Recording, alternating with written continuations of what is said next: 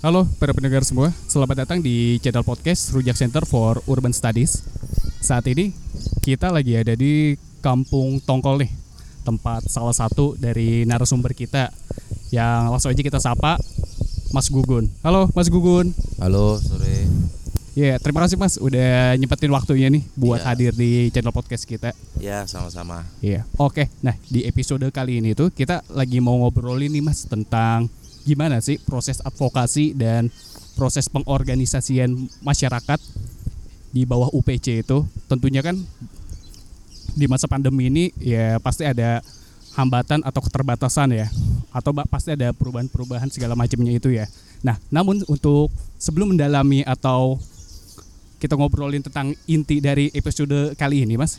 Saya mau kenal lebih dahulu nih UPC itu apa? Kan pasti banyak yang belum tahu tuh ya UPC itu apa, karena kan segelintir doang yang tahu juga. Nah, mungkin untuk waktunya dipersilahkan Mas Gugun. Oke. Makasih. Jadi UPC itu dia organisasi kayak semacam perkumpulan gitu. Dari tahun sekitar eh, 97 98 mulainya didirikan itu oleh beberapa orang. Awalnya konsorsium, makanya eh, namanya juga Urban Poor Consortium ya. Dia dulu awalnya itu konsorsium berbagai lembaga begitu dirikan. Ada ada individu, ada lembaga begitu. Tapi ke belakang konsorsiumnya udah nggak terlalu apa ya berperan ya sehingga ada satu apa eksekutif sendiri di dalam UPC itu yang yang bekerja sehari-hari begitu. Tetapi memang sudah mengalami banyak metamorfosa dari sejak berdiri sampai sekarang begitu. Sekarang ini jadi UPC itu kayak semacam kumpulan orang per orang begitu yang punya concern nilai yang sama gitu ya. Gitu. Kira-kira gitu sih. Oke. Tadi udah berapa lama Mas berdirinya dan dalam konteks apa sih Mas diciptakannya UPC itu sebenarnya? Dari tahun 97. Dari Dari, tahun tahun 97 waktu itu sama-sama punya perhatian yang sama terkait dengan kemiskinan khususnya di perkotaan karena waktu Orde Baru itu kan kemiskinan dari yang saya eh, pelajari kemiskinan itu mayoritas dilokalisir ke desa ya. Ke desa lalu bentuknya itu CD gitu ya, community development, bangun-bangun, lalu charity gitu-gitu. Sifatnya untuk mengurangi penderitaan atau kesengsaraan masyarakat begitulah. Eh ya ada yang kemudian gerakannya struktural, tapi lebih banyak pada saat itu ketika Orde Baru itu adalah yang gerakan CD gitu. Kalau di UPC gerakan struktural itu kita sebut apa? CO, community organizing gitu ya. Ini kalau yang CD kan community development, jadi lebih banyak eh, mengurangi penderitaan masyarakat lah begitu. Nah, kalau CO itu tujuannya community organizing tujuannya membangun kesadaran kritis begitu. Itu yang di masa Orde Baru kan memang di dihambat ya, dikekang begitu supaya tidak tidak tumbuh. Nah, tetapi ruang lingkupnya kalau UPC memang mengkhususkan diri di perkotaan. Karena ya itu waktu itu masih sedikit gerakan rakyat miskin kota, padahal situasinya tidak lebih baik daripada di desa. Karena waktu itu banyak sekali penggusuran, stigma terhadap orang miskin ya, tukang becak digarok, kaki lima digarok. Itu banyak sekali dan minim pembelaan, minim juga perlawanan selain karena situasi situasi rejimnya Orde Baru militer begitu ya, tetapi juga perlawanan di tingkat grassrootsnya juga masih kurang begitu. Nah di situlah kemudian UPC itu dibentuk oleh berbagai pihak itu dengan niat melakukan pengorganisasian di masyarakat rakyat miskin gitu. Jadi UPC ini hadir untuk sebagai suatu wadah yang ingin merubah lah ya, merubah kehidupan rakyat miskin kota itu ya. Nah, mm, Mendorong gerakan mendorong ya. munculnya gerakan rakyat miskin kota. Iya, karena kan ini tujuannya juga ingin menyadarkan juga ya Mas ya, Hmm. rakyat miskin jadi ja- bukan cuma dia yang dijadiin objek, tapi mereka juga jadi subjek perubahan juga Mas ya. Betul. Iya. Oke, oke, menarik, menarik. Nah, terkait program dan program kegiatan itu sendiri gimana sih Mas? UPC sampai sekarang sampai saat ini itu selama itu programnya apa aja? Hmm, Yang sebelum dilakukan, ke program kita ini ya apa misi ya. Oh iya, visi misi, misi saya dulu. kelewat. Misi dulu Ah, yang visi misi. kalau visi gitu eh, UPC kan menciptakan kota yang adil gitu ya kota yang adil kota yang menghargai pluralitas pluralitas ini tidak hanya soal biasanya itu kan isu agama isu ras tapi soal perbedaan ekonomi kelas sosial begitu karena kita yakin percaya bahwa masing-masing kelas itu punya apa namanya punya keunikannya sendiri punya kontribusinya sendiri gitu nah itu visinya UPC ya kota yang berkeadilan begitu menghargai satu sama lain yang kaya gitu. Lalu misinya sih kita tiga ya. Ada untuk mencapai itu ada pengorganisasian masyarakat bawah, lalu kemudian ada advokasi, lalu kemudian pengembangan jaringan. Tiga itu uh, misinya. Nah, program itu kita turunkan dari ketiga misi itu yang kami sebut biasanya tiga telur misi UPC gitu. Oke oke. Nah melihat dari tiga visi itu kenapa sih yang diambil itu pengorganisasian mas dan advokasi itu tersendiri hmm. tentunya kan banyak banyak pergerakan lainnya lah bentuk pergerakan lainnya selain ketiga hal itu ya itu kenapa hmm. sih mas yang diambil gitu ketiga hal itu dalam misi visi UPC ya selama ini nih kan orang miskin gitu khususnya rakyat miskin kota itu dianggap bodoh ya. Dianggap bodoh dianggap tidak mampu melakukan perubahan dianggap juga kriminal. Intinya seperti sampah lah dianggap sampah kalau bagi pemerintah itu sering dikatakan sebagai beban begitu. Nah padahal di rakyat miskin kota sendiri di kehidupan mereka itu banyak sebenarnya ide-ide kontribusi yang bisa dikembangkan. Nah tetapi ini kan hilang karena stigma. Dan itu yang membuat juga rakyat miskin kota itu menjadi rendah rendah diri ya. Karena distigmakan terus menerus begitu oleh penguasa oleh media oleh kelas tengah begitu. Sehingga mereka tidak pernah dilibatkan dalam pengambilan keputusan. Orang-orang profesi seperti uh, planner seperti arsitek seperti orang apa di bidang pengambilan kebijakan itu ngerasa mereka yang paling expert merasa paling ahli yang punya gelar berderet begitu kan. Hmm. sehingga mereka punya kayak semacam uh, apa ya Jarak hak ya? gitu. Oh, hak. Semacam hak untuk mengambil keputusan. Sedangkan yang miskin mereka yang nanti akan menjadi terdampak secara langsung nggak nggak dilibatkan karena dianggap sebagai bodoh begitu. Nah oleh karena itu kita dorong keluar suara-suara itu. Bukan kemudian diwakilkan kepada kelas tengah. Seumpama orang miskin kita wakilkan begitu ya diwakilkan pada UPC UPC yang menyuarakan tidak karena itu akan mengulang peristiwa yang sama. Berarti kita menganggap orang miskin sebagai kalangan yang bodoh nggak bisa ngapa-ngapain dan dia bagian dari masalah itu. Jadi yang pengor tujuan dari pengorganisasian itu apa namanya ya menggerakkan orang miskin itu menjadi subjeknya itu menjadi pelaku perubahan itu. Tetapi kan tentu tidak bisa sendiri-sendiri dia mereka harus sama-sama menggabungkan ide, membagi peran, kerjasama segala macam. Nah itulah yang kemudian disebut pengorganisasian. Karena kalau sendiri-sendiri mereka nggak akan didengar, suaranya juga nggak akan bergema gitu loh. Kalau sendiri-sendiri, makanya pengorganisasian itu fungsinya adalah menyatukan, menyatukan yang tadinya sendiri-sendiri, kemudian meningkatkan kapasitas, kepercayaan diri yang tadi yang ngerasa minder, nggak punya kemampuan, nah kemudian ditingkatkan kemampuan, mereka percaya dirinya menjadi lebih kuat, punya informasi, punya sumber daya sehingga percaya diri gitu loh ketika akan terlibat dalam pengambilan suatu keputusan gitu. Itu pentingnya pengorganisasi dan kalau UPC seumpama ya tidak melakukan pengorganisasian tapi hanya melakukan advokasi di, sendiri di level kebijakan itu kan juga jadi elitis ya. Iya benar. Jadi elitis. Jadi kayak semacam kita ngomong muluk-muluk ngomong-ngomong kebijakan tapi sebenarnya tidak pernah apakah betul itu mewakili bisa mewakili suara pikiran dan kepentingan orang miskin gitu. Iya iya benar. Gitu. Karena yang bersuara bukan mereka sendiri ya, karena kan yang tahu permasalahan mereka itu ya mereka itu sendiri Mas ya. Betul. ya. Iya, jadi sebenarnya tujuan UPC ini gimana rakyat miskin yang tadinya termarginalkan karena hmm. secara struktural dipinggirkan ya. Hmm jadi diangkat ya untuk berpartisipasi dan lebih berdaya lah ya bahasanya itu ya. Iya, dan punya martabat. Dan punya martabat ya. Iya. Oke, oke, oke, oke. Hmm. Sip, sip.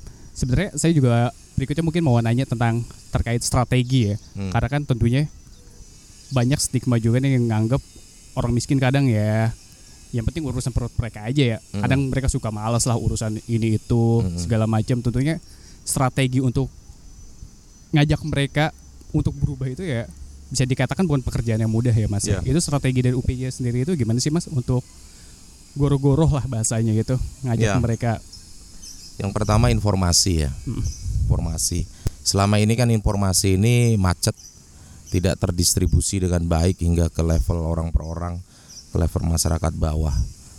Contoh informasi kat, eh, katakanlah sebelum era digital gitu ya.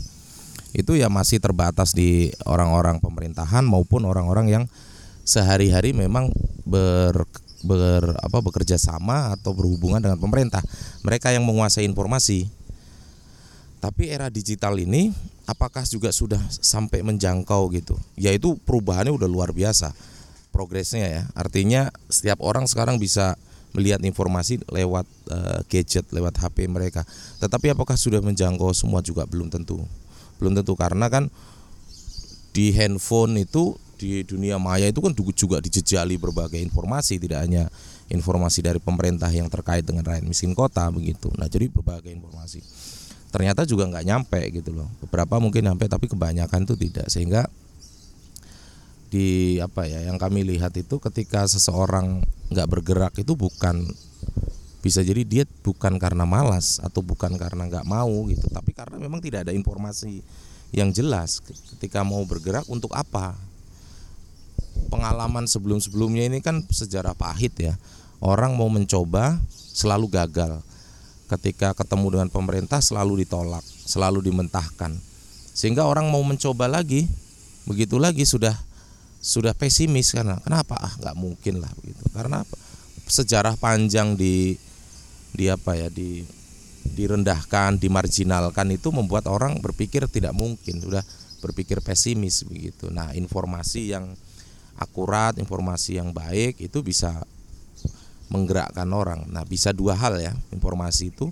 Informasi itu informasi buruk dalam arti informasi yang dapat menimbulkan apa ya eh, hal-hal buruk bagi mereka itu juga bisa menggerakkan. Artinya mereka harus bergerak begitu untuk mengantisipasi. Tetapi juga yang menggerakkan juga bisa informasi yang baik. Soal harapan-harapan peluang-peluang begitu kalau orang tahu bisa jadi ada kemungkinan mereka bergerak begitu. Jadi stigma orang malas orang miskin malas nggak mau tahu itu itu sebenarnya tidak 100% benar. Karena ada hal lain yaitu soal informasi. Yang kedua kan faktornya ya menggerakkan orang begitu. Yang kedua adalah tidak sendiri-sendiri.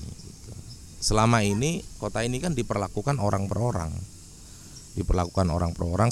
Berbagai macam urusan itu diperlakukan orang per orang. Contoh seperti masa sekarang bansos orang per orang.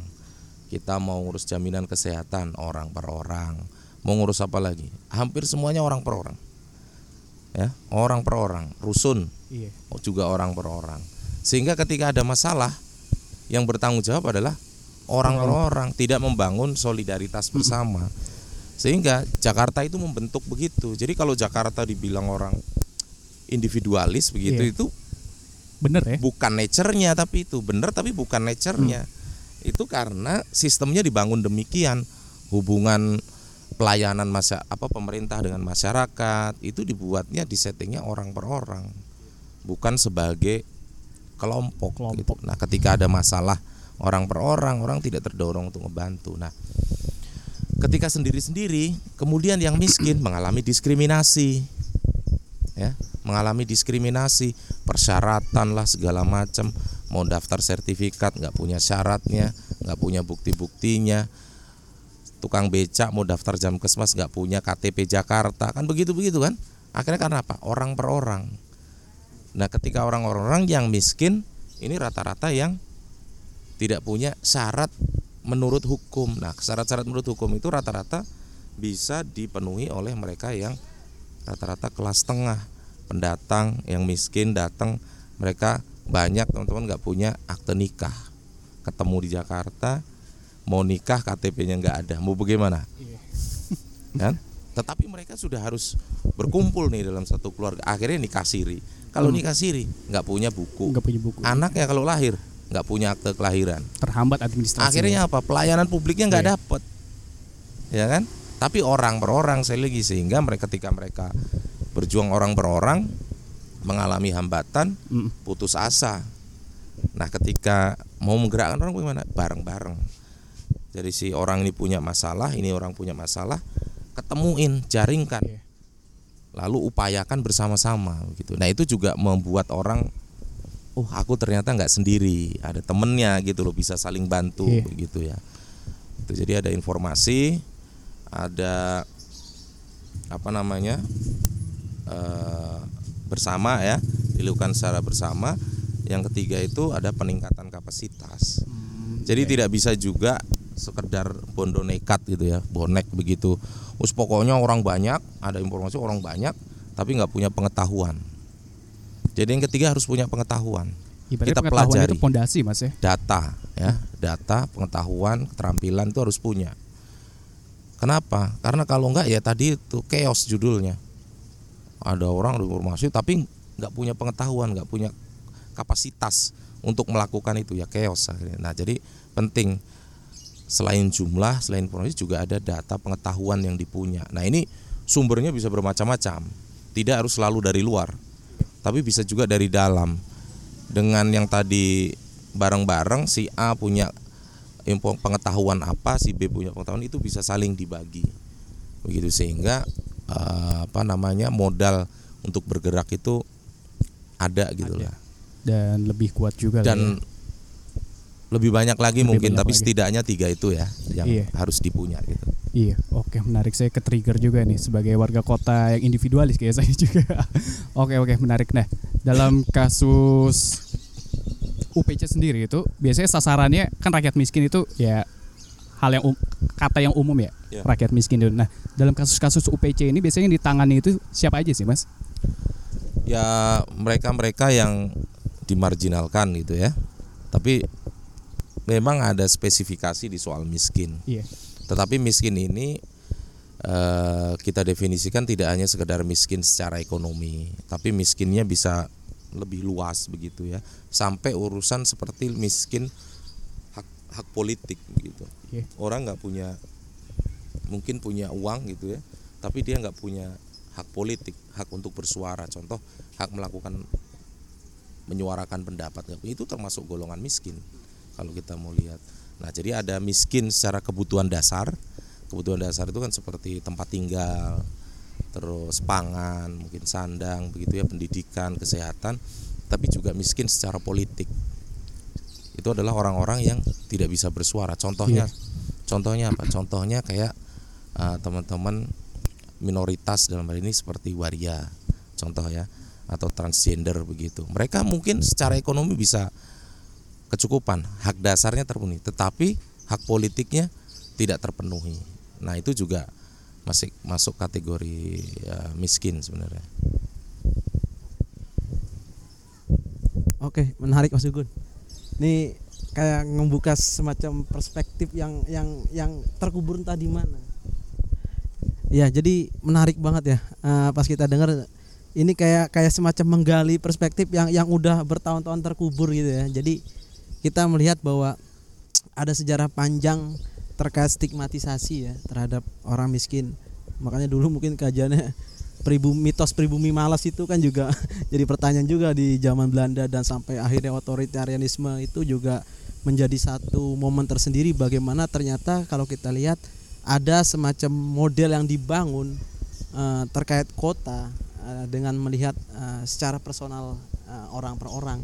Nah, kemudian ada semacam eh, apa ya tantangan bagaimana kemudian eh, mengembalikan sistem yang yang bisa membangkitkan eh, apa ya mungkin disebut komunalitas yang mungkin jarang-jarang terekspos juga. Nah, eh, aku mau nanya juga nih Mas Ugun, eh, apa sih tantangannya di di, di level eh, organ organisasi dan dan di masyarakat eh, untuk eh, mem- mengembangkan eh, sistem yang dibangun itu gitu loh di level masyarakat orang orang-orang yang saat ini.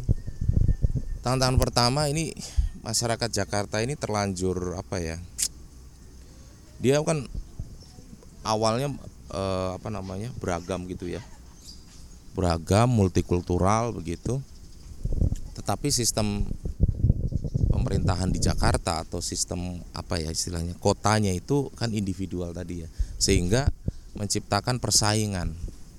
Persaingan siapa yang kuat dia yang menang begitu. Kayak semacam hukum rimba begitu. Nah nah itu efeknya apa atau dampak buruknya apa? Salah satunya adalah ketidakpercayaan satu sama lain. Jadi tantangan pertama yang kita hadapi itu adalah ketidakpercayaan antar masyarakat. Ketidakpercayaan ah ini kalau kita kumpulin duit bareng-bareng duitnya jangan-jangan digondol lagi dibawa lari begitu. Atau kita mau milih pemimpin jangan-jangan ntar dia nyeleweng lagi. Ternyata malah dirayu sama pihak lawan. Iya. ini tuh berasa banget ya di awal-awal apalagi kalau kita komunitas baru mengorganisir komunitas baru itu berasa gitu ya walaupun mungkin sehari-hari mereka saling kenal segala macam begitu ya. Tapi begitu menyangkut soal uang soal kepemimpinan itu akan berasa itu ketidakpercayaan. Jadi tantangannya di situ. Tapi tapi itu bisa diatasi ya. Diatasinya tentu eh, tidak tidak wak, tidak dengan waktu yang sebentar. Karena bagaimanapun ngebangun kepercayaan antar orang ikatan antar orang itu butuh waktu interaksi yang intens ya melalui berbagai konflik. Karena kalau nggak pakai konflik sebenarnya nggak teruji relasinya gitu. Nah dengan konflik itu justru teruji.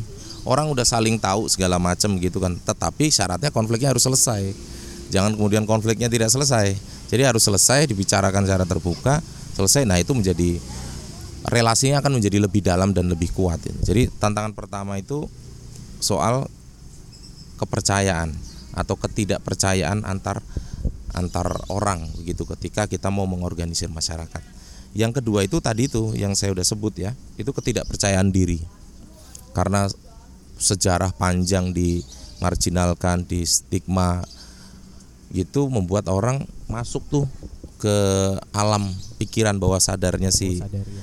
masyarakat juga orang miskin. Seperti contoh ya contoh em, pemilu lah ya pemilu kampung-kampung caleg itu datang ngasih duit ngasih sembako. Itu kan itu gambaran ya Iya. gambaran stigma yang ada gitu loh. Gambaran stigma yang ada bahwa kalau datang ke kampung-kampung tuh bawa sembako bawa duit mau pemilu gitu. Gambaran yang lain itu kalau orang-orang kaya masuk kampung bikin acara bagi itu juga sembako. Itu kan pertama berarti stigma di orang-orang kaya itu bahwa orang miskin tuh harganya ya segitu gitu loh. Iya, yang iya. dibutuhkan itu gitu seakan-akan. Nah bagi si orang miskin juga mendarah daging akhirnya apa? Oh iya kalau ada orang kaya aku tuh layak untuk dikasih sembako dikasih beras kasih duit receh. Kayak itu itu tuh kan secara tidak sadar membentuk pola pikir kedua belah pihak ya. Mereka yang kaya juga mereka yang miskin. Mentalnya jadi segitu gitu loh harganya.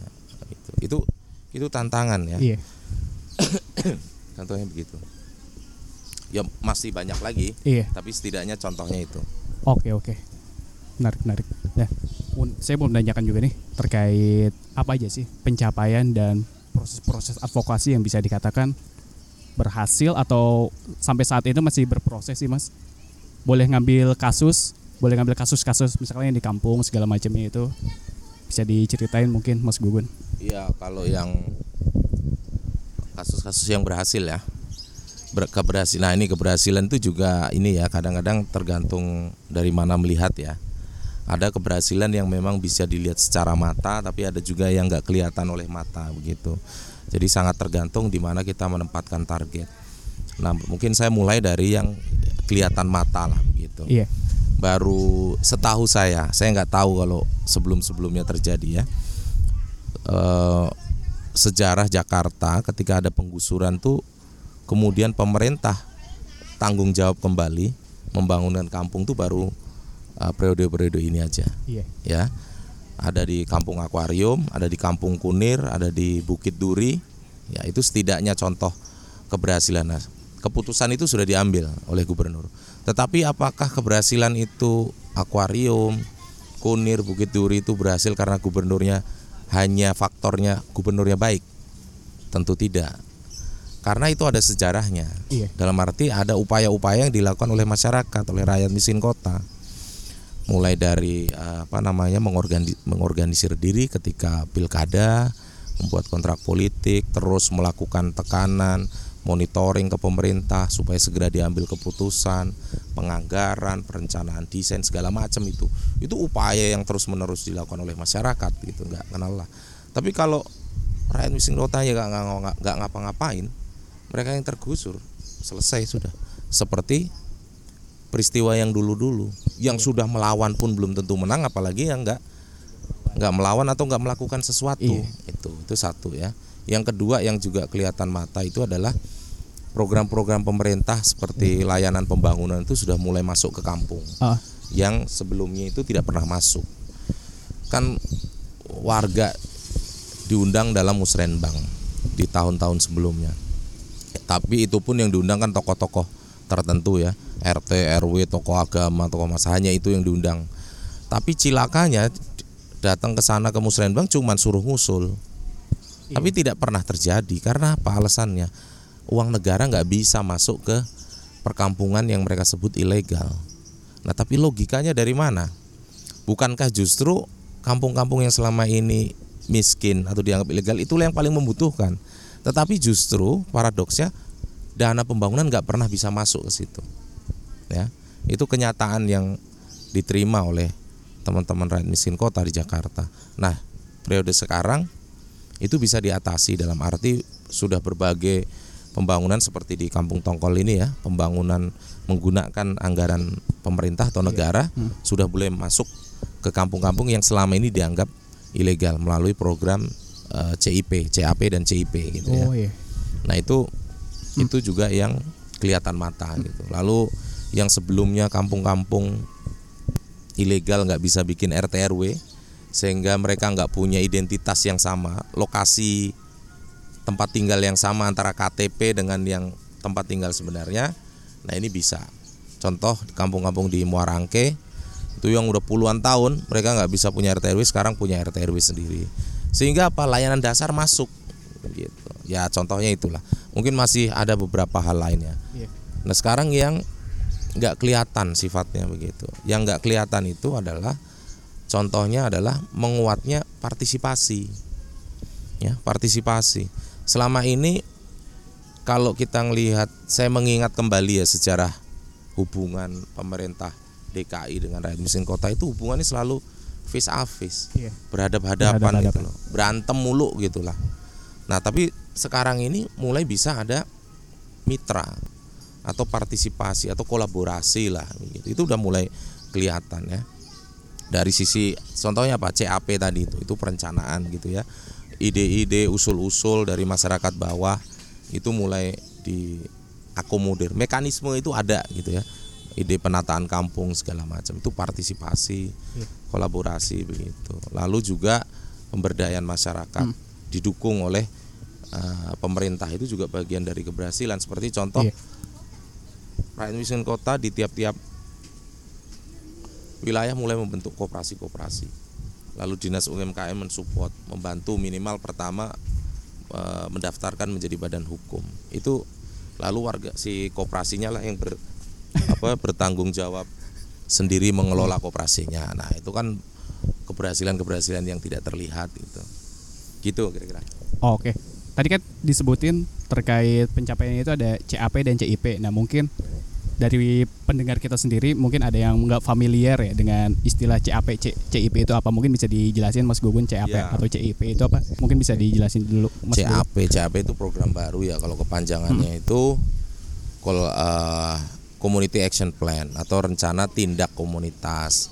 Jadi ini kayak semacam musrenbang tapi lebih lebih spesifik gitu ya, lebih khusus karena eh, pemerintah dengan masyarakat sama-sama membuat perencanaan dan tidak di tidak dibatasi gitulah ide-ide dari masyarakat gitu. Itu perencanaan kolaboratif dengan eh, komunitas gitu. Kalau CIP itu pelaksanaannya kolaboratif implementation program itu pelaksanaan dari CAP itu gitu tetapi memang ini sudah baik ya dalam arti ada terobosan baru tidak hanya sekedar masyarakat eh, apa namanya didengar suaranya tetapi juga masyarakat bisa mengambil keputusan di dalam perencanaan itu gitu. Tetapi kalau apa namanya eh, masukan terkait CAP CIP ini masih terbatas menyentuh pada wilayah-wilayah publik, belum menyentuh wilayah privat seperti rumah. Iya. Nah, itu mungkin bisa di di ke depan bisa dikembangkan terkait dengan penataan rumah, tidak hanya yang penataan publiknya saja, ruang publik begitu. Kalau RT RW itu itu yang rukun tetangga, rukun warga, Oh, iya. kan mereka nggak punya sebelumnya kan nggak bisa bentuk itu, nggak punya ketua RT. Jadi kalau punya KTP, alamat KTP itu numpang di RT lain di wilayah lain, tapi tinggalnya di sini, contoh gitu loh. Nah, sekarang udah punya KTP yang lokasinya sama gitu loh. Jadi kalau ngurus apa namanya surat-surat tuh nggak kesulitan. Kalau dulu kan sulit karena apa?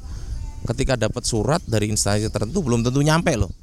Karena begitu nyampe ke RT dicari-cari kan nggak ketemu orang nggak tinggal di situ. Dititipin ke RT, RT-nya juga belum tentu apal. Ini siapa ya tinggal di mana? Iya. Saya kira rencana tata ruang wilayah.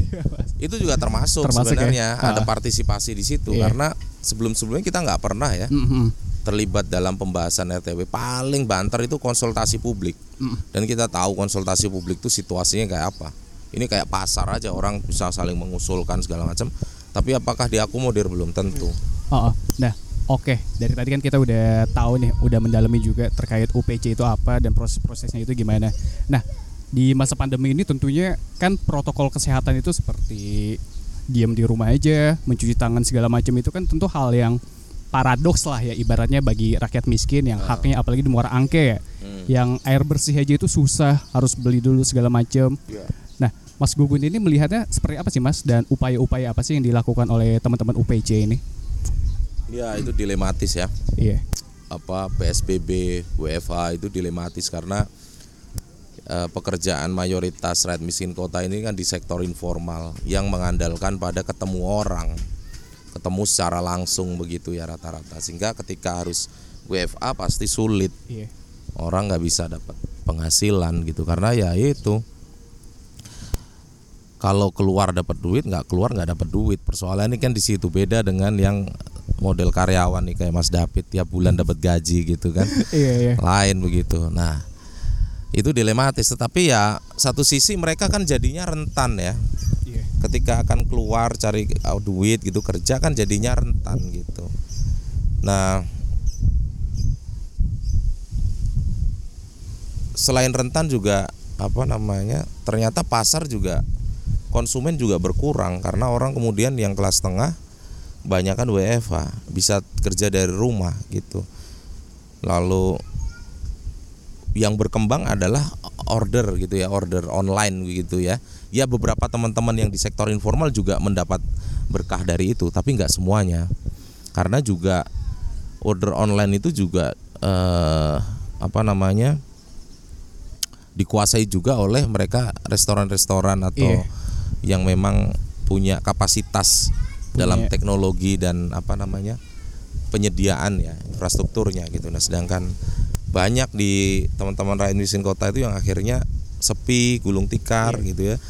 Keluar nggak laku nggak keluar nggak makan kan juga serba salah begitu gitu. Nah jadi ya jadi dilematis begitu. Jadi sulit sebenarnya sulit. Dan nah, sedangkan bantuan yang diberikan oleh pemerintah sifatnya juga sembako. Sembako itu pun nggak semua ya. Sembako beras minyak segala macam. Masalahnya untuk berasnya nasinya bisa tuh. Ya nasinya bisa. Tapi masalahnya untuk bayar listrik atau bayar yang kontrak bayar air ah, kalau ada cicilan motor beli pulsa. Nah ini yang lumayan ruwet ini. Begitu loh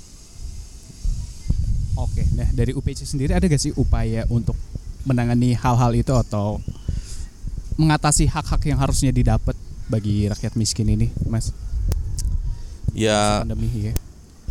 contohnya gini ya kita dulu tuh udah lama ngusul supaya jangan sembako cash aja gitu loh tapi kami ngusulkan hanya di DKI ya supaya DKI ngambil kebijakan cash jangan sembako lah pusat mau sembako silakan. Tapi DKI coba di dicoba cash tapi nggak berhasil ya. Nggak berhasil dan akhirnya kita coba sendiri gitu. Kita galang eh, donasi gitu di kitabisa.com gitu. Ya walaupun dapat tapi kan itu nggak akan bisa mengcover seluruh anggota kami gitu. Ah, waktu itu cuman dapat sekitar 250 atau 260 juta gitu. Dan itu menjangkau sekitar 400-an apa ya? 400-an anggota rumah tangga. Tetapi kan jauh dari angka di atas 10 ribu kan kita nggak nyampe gitu loh. Dan itu pun hanya bisa mengcover seminggu per rumah tangga itu. Supaya apa? Supaya mereka bisa istirahat lah sehingga enggaknya seminggu. Tapi setelah itu nah pandemi ini udah setahun lebih. Iya. kita cuma bisa bantu dalam satu minggu itu kan nggak mungkin gitu. Ah, Nah ah, jadi ya walaupun kita sudah lakukan upaya itu ya, termasuk juga dengan waktu itu ada beras. Sebelum sembako ya, sebelum sembako turun beras kita juga lakukan upaya dengan kerjasama dengan petani di Kendeng Jawa Tengah gitu. Supaya dapat beras lebih murah begitu dan kualitasnya juga baik. Itu sudah dilakukan. Termasuk juga ngebantu teman-teman yang terinfeksi. Mereka harus isolasi gitu ya nah tapi tetapi isolasi kan mereka tetap butuh makan segala macam kita bantu supaya ada dapur umum tetangganya yang masakin kita support dananya untuk makan segala macam tapi tetap nggak bisa mengcover semua. Karena memang sumber daya juga terbatas situasinya. Punya situasi yang sama sama-sama sulit begitu loh. Nah itu harusnya kan ya peran negara. Nah, tetapi kalau kita bandingin ya, menurut saya nggak adil ya. Jadi bantuan pemulihan ekonomi contoh untuk penanganan COVID itu diuntungkan perbankan, bukan masyarakat secara langsung. Perbankan kenapa? Karena duit-duit itu disalurkannya melalui perbankan. Mereka yang dapat untung gitu loh. Beda kalau kemudian oh ini kerjasama dengan koperasi-koperasi, kerjasama dengan mas kelompok-kelompok masyarakat, itu langsung nggak perlu melalui perbankan perbankan itu kan ada satu prasyarat mereka akan nilai kan oh ini layak nggak untuk pinjam umpama contoh begitu. Lalu yang kedua ada bunga segala macam begitu. Yang mereka yang diuntungkan dapat kucuran dananya sedangkan masyarakatnya kurang. Begitu. Iya, oke. terus contoh sekarang kan mobil ya. Mobil dapat pembebasan apa Pajak. PNBM itu. Ah, ah. pajak apa be- barang mewah ya. Begitu. Siapa yang industri? Itu triliunan. Ya kan? Lalu res- restrukturisasi utang. Yang punya utang gede-gede juga diuntungkan begitu. Nah itu bagaimana yang yang orang miskin dikasihnya sembako itu pun dikorup. Nah yang orang-orang gede-gede dikasih triliunan. Iya. Difasilitasi ya. mengatasnamakan UMKM, Ah. tetapi sebenarnya lewat perbankan juga, nah, begitu. Oke, Mas Gugun menarik jadi ya. Nah, aku mau tanya eh, ke Mas Gugun pribadi secara personal dan juga mungkin eh, mewakili kelembagaan ya. Eh, kebijakan apa sih mungkin di tingkat pusat ya? Eh, kita lihat tingkat pusat kebijakan apa sih yang yang yang mungkin menurut Mas Gugun masih dicari logikanya kok kenapa yang keluar seperti ini gitu. Dan sebenarnya ini tidak agak sedikit bertentangan dengan kondisi-kondisi yang ada gitu. Mungkin dari pengalaman-pengalaman Mas Gugun gitu. Kalau yang saya lihat ya, kebijakan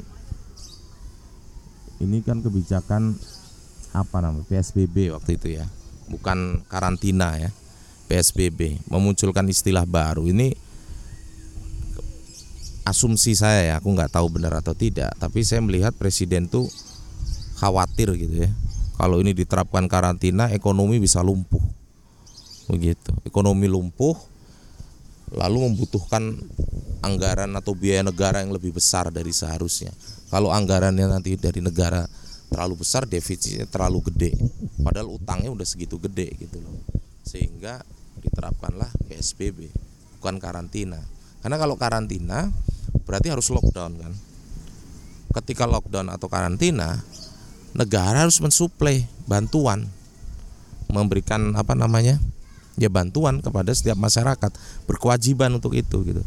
Tetapi ketika PSBB dia hanya dapat tidak harus dalam bentuk bantuan sembako segala macam begitu sehingga menjadi lebih kecil terus yang industri-industri ya tetap bisa dijalankan begitu tapi kan ternyata kita baca klaster pabrik kayak contohnya kan gede juga korbannya klaster kantor gede juga korbannya begitu nah pulihnya jadi lama gitu Iya. loh Oke, nih saya mau nanya lagi, balik lagi karena kan proses-proses atau kerja-kerja yang dilakukan UPC itu kan memberdayakan masyarakat, ya, mengorganisasi dan mengadvokasi juga. Hmm. Nah, tentunya di masa pandemi ini ada capaian-capaian yang seharusnya bisa tercapai di saat ini atau di saat yang sudah lewat selama pandemi itu tentunya jadi terhambat ya, atau bahkan tidak tidak terwujud ya. ya. Nah, ini bisa jelasin gak sih Mas Gugun gimana sih selama proses-proses advokasi dan pengorganisasian masyarakat ini selama pandemi?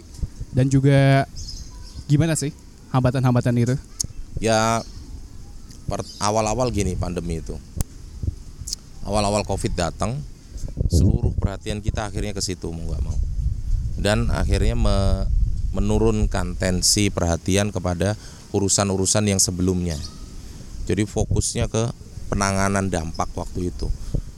Sampai bagaimana kita membuat jamu membuat sanitizer sendiri menggalang dana menggalang cari beras segala macam lah itu kita lakukan untuk menangani dampak pada saat itu membangun dapur umum segala macam gitu. Nah itu kan akhirnya menjadi tertunda ya dari sisi kami. Lalu juga dari sisi secara pertemuan secara fisik waktu itu juga menjadi terbatasi. Kita merasa takut akhirnya untuk ketemu dan untuk teman-teman rakyat mesin kota Zoom itu adalah barang baru. Saya pikir untuk semua juga itu. Zoom itu barang baru. Tapi komunikasi nah jadi ya masih ada kendala waktu itu ternyata dengan pertemuan langsung dengan apa dengan online itu berbeda sekali gitu. Untuk mengeksplornya jadi lebih sulit gitu ya. Nah, dari sisi pemerintahan juga begitu. Harusnya ada keputusan-keputusan yang sudah bisa diambil itu menjadi mundur. Contoh paling konkret adalah anggaran. Ini contoh nih. Sitpel ini harusnya tahun 2020 Mm. selesai nih. Iya. Harusnya sampai sono. Tapi karena Covid ini berhenti di sini nih. Mm. Karena realo- realokasi anggaran. Lalu program-program CIP juga begitu. Harusnya 2020 itu ada kena realokasi untuk biaya darurat penanganan Covid. Ya ya kita sama-sama maklum jadinya karena memang situasinya begini ya. Ya sudah itu tapi kemudian sekarang mulai lagi nih kan mulai ya kita perhatian kita ke urusan-urusan sebelumnya lalu kemudian pemerintah juga sudah mulai aktif ngurusin hal-hal lain walaupun ya ini sempat menunda lah gitu. Tapi menurut Mas Gugun sendiri idealnya tuh harus gimana sih Mas? Tentunya kan permasalahan-permasalahan yang ada terutama bagi rakyat miskin kota itu apalagi pandemi ini ibaratnya kayak menunjukkan borok-borok yang ada sebelum pandemi ya misalnya kayak ketidakadilan seperti kasus di Muara Angke yang air aja kudu beli segala macam itu terus juga ya permukiman padat ya karena kan kebijakan PSBB itu orang kagak boleh keluar rumah ya kalau pemukimannya padat ya sama aja kan jaga jaraknya gimana caranya nah menurut Mas Gugun sendiri idealnya harus gimana sih Mas sikap pemerintah itu Iya itu aku setuju ya Pandemi ini menunjukkan memperlihatkan pada kita kerentanan gitu ya. Borok tadi aku pahami sebagai kerentanan sosial yang selama ini terpendam gitu ya. Contoh gini. em, minimnya fasilitas publik di kampung-kampung itu bukan apa apa kenapa? Itu adalah salah satu faktornya negara nggak hadir. Nah ketika covid seperti ini terjadi ruang-ruang publik nggak ada orang bingung. Mau penanganan bersamanya bingung bentuk dapur umum bingung. Termasuk juga akses ya terhadap layanan dasar seperti air. Mungkin sebelum-sebelumnya ya itu hal biasa saja. Orang apa namanya ya udahlah beli aja yang penting airnya ada tapi begitu pandemi kita baru sadar ya baru ngerasa bahwa oh sekarang ini ya airnya tetap ada. Tapi ketika ekonominya lagi sulit begini untuk beli begitu juga tambah sulit jadinya. Kan begitu ya? Ah, lalu juga soal ketahanan pangan ya. Ketahanan pangan juga jadi persoalan. Tiba-tiba eh, apa namanya waktu itu hampir sempat barang-barang mulai sempat hilang. Harga naik masker naik sanitizer naik terus apalagi sempat naik begitu itu kan apa ya namanya eh, tingkat ketahanannya itu masih rentan begitulah. Se- sehingga gampang banget goyang karena ada situasi darurat begitu. Terus juga jaringan antar orang, jaringan ekonomi. Kalau seumpama jaringan ekonomi yang tadi itu saya bilang kota ini sangat sendiri-sendiri, sangat individualis ya. Sehingga ketika terjadi apa namanya mengandalkan kepada pasar kan sendiri-sendiri persaingan. Ketika terjadi masalah seperti Covid begini, kolaps. Tetapi kalau seumpama sudah memang sudah terjaring ya, komunitas ini punya produk apa terjaring Ah, dengan secara langsung terjaring dengan ini dengan itu konsumen produsen jasa semua itu terjaring Iya. seharusnya bisa jalan walaupun itu juga kena covid karena apa pasti Mm-mm.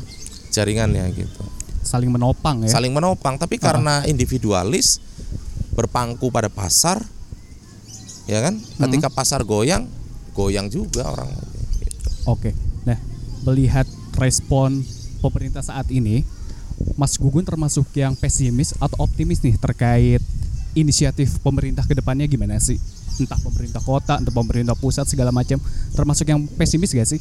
Atau Untuk- yang optimis untuk mengurusi hal-hal mendasar seperti ini? untuk penanganan covid atau apa nih Untuk ke depannya gimana? Bahkan setelah pandemi lah. Melihat ya kondisi seperti ini. saya berdasar pengalaman ya Mm-mm. terus ini dasar pengalaman saya nggak tahu yang akan ke depan ya tapi berdasar pengalaman saya sendiri tidak percaya dengan kebaik hatian pemerintah itu tidak percaya. Tidak percaya. Karena apa? Begitu masuk di pemerintahan sistemnya itu memang sudah tidak berpihak kepada mereka contohnya yang miskin atau yang marginal gitu loh. Secara sistem begitu secara hukum katakanlah ya kan sudah tidak berpihak begitu. Jadi saya tidak terlalu percaya akan kebaik hatian pemerintah. Kalaupun itu terjadi sifatnya adalah lebih politis atau itu eh, apa namanya Suatu hal keterpaksaan. Iya, gitu. suatu hal yang bukan datang dari diri mereka sendiri ya, dari pemerintah. Ya bisa dikatakan seperti itu lah. Ya. Ya mungkin ada ya, tapi kalau general saya sih nggak percaya dengan itu ya. Sehingga kalau eh, apakah pemerintah ke depan akan melakukan lebih baik saya sih nggak nggak terlalu optimis untuk itu kecuali ya. Jadi patokan saya itu optimis tidak optimis itu patokan adalah pada gerakan masyarakatnya, gerakan warganya. Karena begini loh di negara ini kita nggak cukup punya hak ternyata. Nggak cukup. Semua orang punya hak katakanlah. Hak atas pendidikan ayo. Sudah dijamin di konstitusi. Tapi apakah semua orang bisa? Hak atas kesehatan. Itu kan dijamin konstitusi. Setiap orang kan setiap warga negara punya hak atas pelayanan kesehatan. Kenyataannya bagaimana? Di- Ada- belum rata lah ya. BPJS kan tetap ada yang harus bayar. Makanya disebutnya bertahap. Jadi hak atas tempat tinggal yang layak apakah ada orang-orang yang sekarang ini bertempat tinggal dengan tidak layak banyak Banyak. Padahal konstitusi sudah mengatur itu. Artinya saya menganggap bahwa kita ini warga negara Indonesia ini nggak cukup hanya punya hak, harus melakukan sesuatu untuk memenuhi memenuhi hak atau mencapai merebut hak itu. Kalau nggak lakukan itu, itu cuma tulisan doang, nggak bakal terjadi gitu. Nah, ya. jadi maksudku optimis, pesimis itu patokanku adalah pada upaya yang dilakukan masyarakat bukan pada di pemerintahan gitu. Iya. Oke oke siap Menarik siap. sih. Jadi Insight dari baru sini nih. kita dengar ini ya apa namanya? Ada satu istilah yang disebut kebenaran itu tidak datang dengan sendirinya, tapi harus direbut. Oh gitu. Masuk masuk masuk. Iya iya iya iya. Sip sip. Nah oke terakhir mungkin ya Mas Gugun. Harapan Mas Gugun sendiri gimana sih ke depannya? Setelah pandemi ini berakhir, apa sih yang diharapkan dari Mas Gugun terkait masa depan rakyat miskin kota khususnya atau umumnya rakyat miskin? Ya kalau harapan saya harapan kepada komunitas rakyat miskin kota ya supaya memang bersiap bersiap pandemi seperti covid ini kan hanya salah satu ya. Salah satu apa ya situasi atau problem yang kita hadapi. Tapi di masa depan kita nggak tahu. Karena semakin hari semakin canggih itu zaman semakin canggih itu semakin rentan. Bukannya semakin kuat gitu. Kayak apa namanya HP gitu ya. Semakin canggih kan semakin rentan untuk rusak. Iya. beda dengan HP-HP yang manual gitu ya. Ah, itu lebih kuat. Jadi semakin canggih itu bukan semakin kuat tapi semakin rentan sehingga mau nggak mau kita harus mempersiapkan diri begitu. Mempersiapkan diri menghadapi hal-hal yang buruk kemarin gitu seperti uh, Covid ini. Jadi tidak menunggu masalah itu datang karena saya tahu betul karakter miskin kota itu nunggu masalah datang bukan mengantisipasi. Iya. Jadi kalau tanya harapan ya harapan saya orang Mm-mm. mau sedari sekarang itu tidak menunggu masalah tapi mengantisipasi masalah apa pun itu masalahnya begitu Iya. dan dilakukan secara bersama-sama supaya beban itu menjadi lebih ringan menjadi lebih kuat gitu. Iya. Oke, menarik menarik. Salah satu kultum sore yang sangat menarik dari Mas Gugun. Oke, baik. Mungkin ini bisa jadi akhir dari episode kali ini. Sebelumnya saya ucapin terima kasih buat Mas Gugun sama-sama yang telah menyediakan tempat di Kampung Tongkol. Oh iya bisa jelasin juga di Mas Gugun. Kampung Tongkol itu ada di mana? Mungkin ada yang belum tahu nih dari Kampung kita. Tongkol itu di pinggiran sungai anak kali Ciliwung Mm-mm. lokasinya di dekat kota tua antara kota tua dengan pelabuhan Sunda Kelapa di kelurahan Ancol Jakarta Utara Oh, Oke, sip. Buat yang mau main, datang aja Mas Gugun ya. ya datang aja Oke, sip. Sebelumnya saya ucapin terima kasih untuk Mas Gugun sekali Sama-sama. lagi. Iya. Terima kasih Mas Ugun. Ya, Sama-sama. demikian episode pada kali ini. Bye.